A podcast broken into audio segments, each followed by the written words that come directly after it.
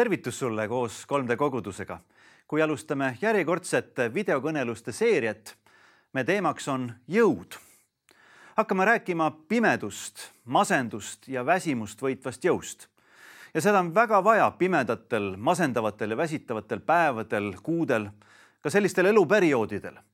aga me räägime ka kõikevõitvast jõust, suure algustähega. see jõud on isikuline, mitte umbisikuline mitte loodusjõud, vaid looja, kelle väest on saanud elujõu kogu loodu. seda jõudu nimetab piibel jumalaks ja ütleb, sinu käes on jõud ja vägi. sinu käes on voli kõike teha suureks ja tugevaks.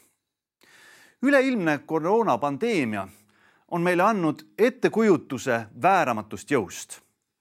vahel nimetatakse seda umbisikuliseks force majeure või siis kujundi keeles ka personaliseeritud lausa act of God. nii võttis koroonaviirus võimust paljude inimeste üle, ka minu üle, tabades mind ootamatult keset möödunud aasta pimedat novembrikuud. siiski kõrgus ja kõrgub ikka meie elu üle looja. ta on üle mis tahes olukordade ja üle mis tahes seisundite. ta on kõige kõrgem üle kõigi loodusjõudude ega kujuta endast taoliste jõudude stihilist meelevallatsemist. piibel ütleb, sest Jumal ei ole korratuse, vaid rahu Jumal. ta on loodusmaailma, ta on inimmaailma, ta on vaimumaailma looja ja ta on andnud meile just elu võimalikkuse tohuvapohust korrastatud maailmas. ta on lahutanud valguse pimedusest ja ürgveed maismaast, andnud elu loodusele selle liikide järele ja kutsunud meid inimlastena ka Jumala näoliselt korrastatud ühisellu. selles ühises elus me võime rahus elada ja kultiveerida suhteid üksteisega, aga ka loojaga ja looduga. ja taoline kord kingib meile ellu turvatunde ja see annab võimaluse ka sotsiaalse elu arendamiseks ja arenguks. vaadates lapsi, näeme, et see on meile inimlikult eluliselt vajalik juba maast madalast, et inimsuhteid ei korralda mitte pime juhus, vaid selgelt läbinähtav kord loogika ja õiglus.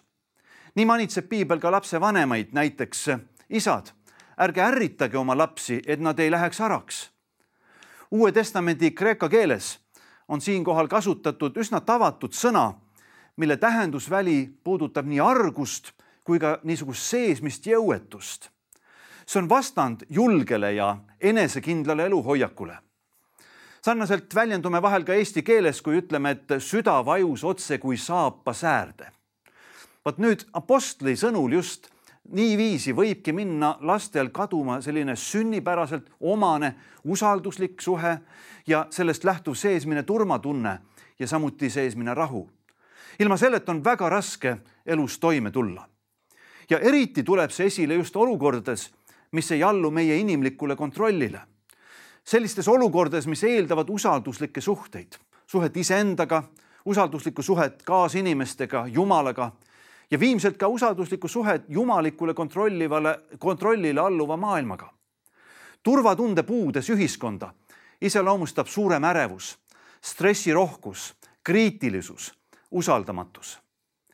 Eestimaal võimendab sellist kaamust veel pikk ja pime ning kõledalt külm sügistalv mil inimesed tõmbuvad pigem iseendasse ja ka nelja seina vahele. päeva valgust ja helgust ning kirgastavaid värve napib nii otseses kui ka kaudses mõttes. ja igaüks ei tulegi sellega toime, kuna kogeb sügavamat meeleolu langust, mustemaid mõtteid ja süngemaid tundeid, tumedat pimeduse pilve, mis tuleb üle inimese ja haarab ta oma madalrõhkkonna meelevalda otse kui jõuetuks tehes. kas aga Jumal võid meile sellisel pimeduse tunnil taoliselt sünges maailmas ja olukorras abi osutada. loeme, mida Jumala sõna tõotab juba sajandeid enne Kristuse sündi elanud prohvet Jesaja raamatus. seal öeldakse meile üheksanda peatüki alguses. rahvas, kes käib pimeduses, näeb suurt valgust. kes elavad surmavarjumaal, neile paistab valgus. see prohvetlik sõnum kõlab Eestimaa kirikutes ja kogudustes ikka ja jälle aasta kõige pimedamal ajal. kui hingedepäeva ja igavikuPüha küünlad on kustunud ning süüdatakse advendiküünlad ja jõulutuled, mis kuulutavad valguse sündi, vaatamata kõige süngemale pimedusele, mis meid inimelus võib ümbritseda. mäletan, kuidas ma nägin enam kui kolmkümmend aastat tagasi esmakordselt elus läbi advendiaegse Rootsimaa reisides tuhandeid, tuhandeid advendiküünlatulesid, mis olid asetatud kodude ja kontorite ja kaupluste ja kirikute akendele. ja meie giid jutustas, et see väljendab iidset põhjamaist tava läita kasvõi pisike valgus, millel on jõud võita pimedust. kui võimas ühisavaldus pimedust võitva valguse jõust, ma mõtlesin. ja sellest ajast peale asetan ka mina meie koduaknale kõige pimedamal aastaajal väikesed valgust andvad küünlatuled. aga prohvet Jesaja kuulutas, et suurt valgust. mida võis ta sellega tähendada, saab selgemaks, kui loeme antud prohveti kuulutust edasi. seal öeldi, rahvas, kes käib pimeduses, näeb suurt valgust, kes elavad surmavarju maal, neile paistab valgus. aga edasi öeldakse, sina, Jumal, teed rohkeks rahva ja valmistad talle suure rõõmu Nad rõõmustavad sinu ees, miks? sest meile sünnib laps. meile antakse poeg, kelle õlgadel on valitsus ja kellele pannakse nimeks imeline nõuandja, vägev Jumal, igavene isa, rahuvürst. see antud prohvetlik sõnum kinnitab siis sellise poja sündi, kelle õlgadel on valitsus, mis kõrgub üle kõige ja kõigi. Aga kelle poole võib pöörduda ka kõige pimedamal tunnil elus kuna temas on sündinud kogu maailma imeline nõuandja, vägev Jumal, rahuvürst. jah, see poeg on elava Jumala poeg isiklikult. Jeesus Kristus, kelle sünni järgi me üle maailma inimajaloo aega arvame. aga kes võitis ristikannatuse ja surma oma ülestõusmise läbi surnuist ning kinnitas, mina olen maailma valgus, kes järgneb mulle, ei käi pimeduses, vaid tal on eluvalgus. aastaid Jeesuse järgijaid pimeduse jüngriks pidanud ja nende vastu kõigi vahenditega võidelnud Saulusest sai Paulus, kui ta veendus, et Jeesus ei olegi surnud. et ehkki, tõsi, ta suri ristil ja maeti hauda, aga tõusis üles surnuist ja valitseb oma jumalikus väes üle kõigi elavate ja surnute. Selle veendumuseni jõudmiseni Eh, korraga Paulus sai tagasi silmanägemise, aga ta sai tagasi ka uue nägemuse kogu Rooma impeeriumile rõõmusõnumi kuulutamiseks, et viia täide seda prohvet Jesaja ettekuulutust pimeduses olevale rahvale ilmuvast suurest valgusest ja suurest rõõmust, mis muudab rahvaid ja nende elu. surmamaailm pidi taanduma valguse maailma ees üle kogu Rooma impeeriumi sellest tunnistanud Paulus kirjutas sellest eriliselt Jumalale pühendatud tänulaulus, kus ta ütleb, kes teid on teinud kõlblikuks osa saama pühade pärandist valguse riigis, kes meid on kiskunud välja pimeduse meelevallast ja asetanud oma armsa poja kuningriiki.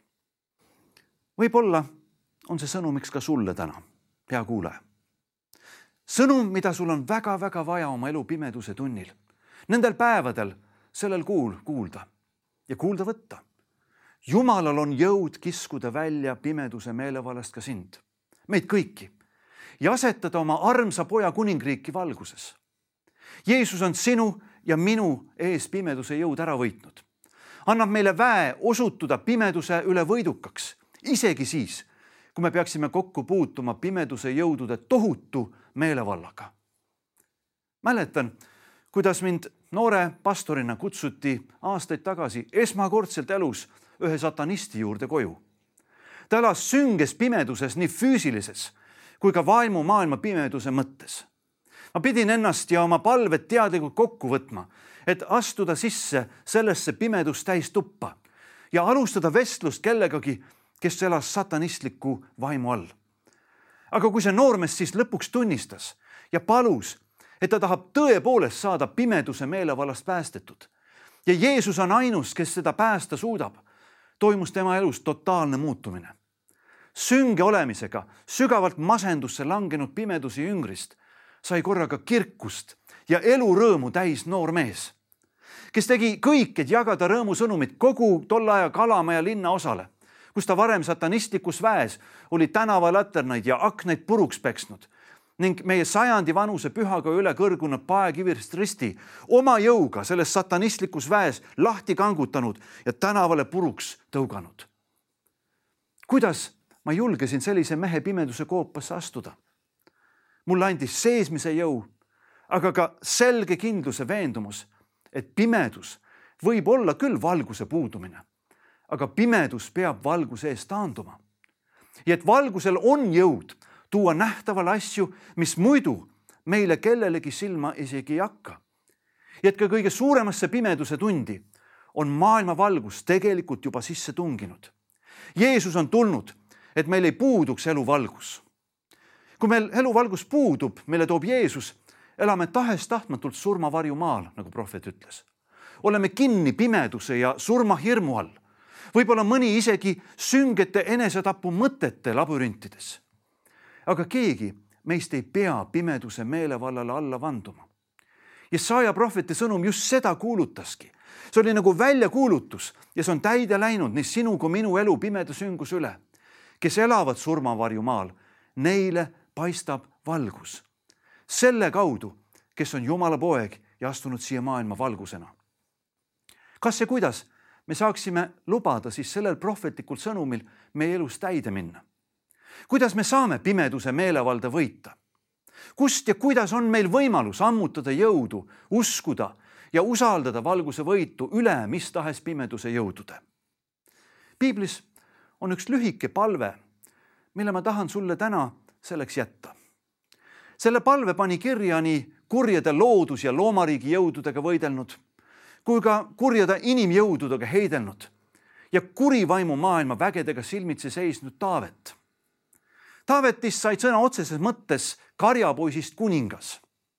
hiljem, aga kui ta mõtles tagasi oma karjase aastatele, väejuhi aastatele, kuninga aastatele, pagulusaastatele ja taas, kui ta tõusis kuninglikule troonile ja valitses läbi aastate, siis ta meenutas selles poeetilises palvelaulus jumalikku turvatunde kogemust. Ta ütleb psalm kakskümmend kolm neli. ka kui ma kõnniksin surmavarju orus ei karda ma kurja, sest sina oled minuga. siin selles lühikeses palves on kolm palveainest sinule ja minule ka. esiteks, meil kõigil tuleb kõndida läbi surmavarju orgude.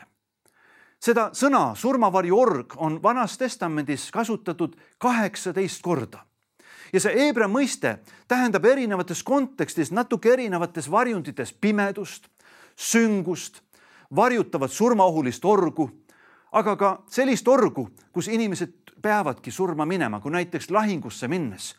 tolle aja mägismaastikul oli võimalik lahinguid pidada ainult orgudes ja madalmaadel.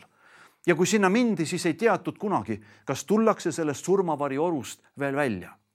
Taavet ise pidi läbi minema taolisest orust, kui tema poeg Absalon püüdis temalt trooni ära võtta ja Taavet taandus Jeruusalemmast ja läks läbi Kiidroni oru, Jeruusalemma kuninga mäelt alla Kiidroni orgu ja sealt Õlimäele üles ja siis pagendusse. ta pidi läbi minema masenduse ja selle taandumise kogemuse, kus ta küsib, Jumal, kas see on minu elu surmavarju org? aga Jumal tõstis ta uuesti troonile ja see vaimuvõitlus, see pimeduse tund sai tema elus Jumala vägedes võidetud. Aga keegi läks veel läbi selle surmavarju oru Kiidronis ja see oli Jeesus Kristus ise.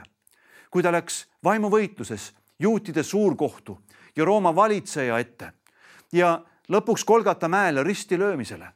see Jeesus võttis enese peale meie elu tabanud kurjuse, pimeduse jõud. ta läks selles ristis surma ja lunastas meid elule, mille kohta ta ütleb, kes mind järgib, see ei käi pimeduses, vaid tal on eluvalgus. Niisiis, meil kõigil tuleb vahel minna läbi surmavari orgude, pimeduse, sünguse ja masenduse aegade. aga me võime nendest läbi minna, sest piibel ütleb, ma ei karda kurja, sest sina oled minuga. kuigi jah, kurjus on olemas ja võib meid raha, reaalselt tabada, võib meid ohustada. piibel ütleb selles palves, et me ei pea kurjust kartma. Ohutunnetus, mis meil on, olgu kõrguse suhtes või mingisuguste probleemide suhtes elus, ei tähenda veel hirmu. ka Jeesus, kui ta läks Keetsemani hakkas tundma suurt õudust selle kõige suhtes, mis tema peale laskus. aga ta palvetas veel pinevamalt, ütleb piibel ja ütles, isa, sinu tahtmine sündigu, mitte minu, vaid sinu tahtmine. ja selles Jumala tahtmisesse astudes ta ei pidanud surma ega õudust kartma, vaid ta läks läbi sellest, võites kurjuse ja jäädes Jumalale truuks. aga lõpuks kolmandaks ütleb see palve nõnda. ka kui ma kõnniksin surmavõi orus, ei karda ma kurja, sest sina oled minuga. tead, surma ja kurjuse kartuse vastu saab astuda ainult usutunnistusega. sina, Jumal, oled minuga. ja kui seda palvet lugeda, siis esimest korda pöördub siin see palvetaja Taavet Jumala poole sina vormis ta ütleb, Jumal, sina oled minuga, Jumal ei ole mitte kuidagi enam kaugel, kõrgel, keegi tema, keegi kauge, vaid sina, Jumal. üks filosoof, juudi filosoof Martin Buber on kirjutanud raamatu Mina ja sina. ja ta ütleb, et midagi juhtub meie elus sellel hetkel, kui me pöördume Jumala poole isiklikult ja ütleme talle sina. sellel hetkel tekib meie ja Jumala vahele suhe, mis muudab meid, mis muudab seda suhet ja mis muudab maailma meie üle ja minu kutse ja palve ja soov täna on see, et sa võiksid selle pimeduse keskel öelda Jumalale sina. kuna Jeesus Kristus võitis pimeduse jõud ristil, võttis kogu jõu kokku, ületamaks inimajaloos suurimat pimedust ja ütles taevasele isale, isa, sinu kätte usaldan ma oma vaimu, siis kas see on sinu võimalus täna öelda, isa, sina oled minuga, ma ei karda kurja. Paul Tillich tuntud filosoof ja teoloog sajandid hiljem ütleb oma raamatus Julgus olla, et kui Jeesus ripub ristil ja pimeduse tund on tema üle ja sünguse mõttetuse mõtted ületavad tema usu ja usalduse hüpet, siis viimselt ühel hetkel ütleb ta Jumalale ainult seda, et ma hüppan, Jumal, sinu sülle, ma lähen koos sinuga, sest sina kannad isegi siis, kui ma ei näe valgust.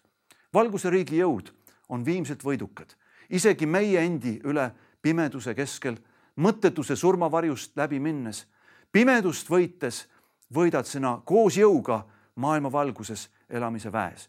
ole õnnistatud selles ja nüüd saad edasi mõelda ja arutleda juba selle üle, mis sellest mõttekäigust lähtub, kui piibel ütleb, ka kui ma kõnniksin surmavarju orus, ei karda ma kurja, sest sina oled minuga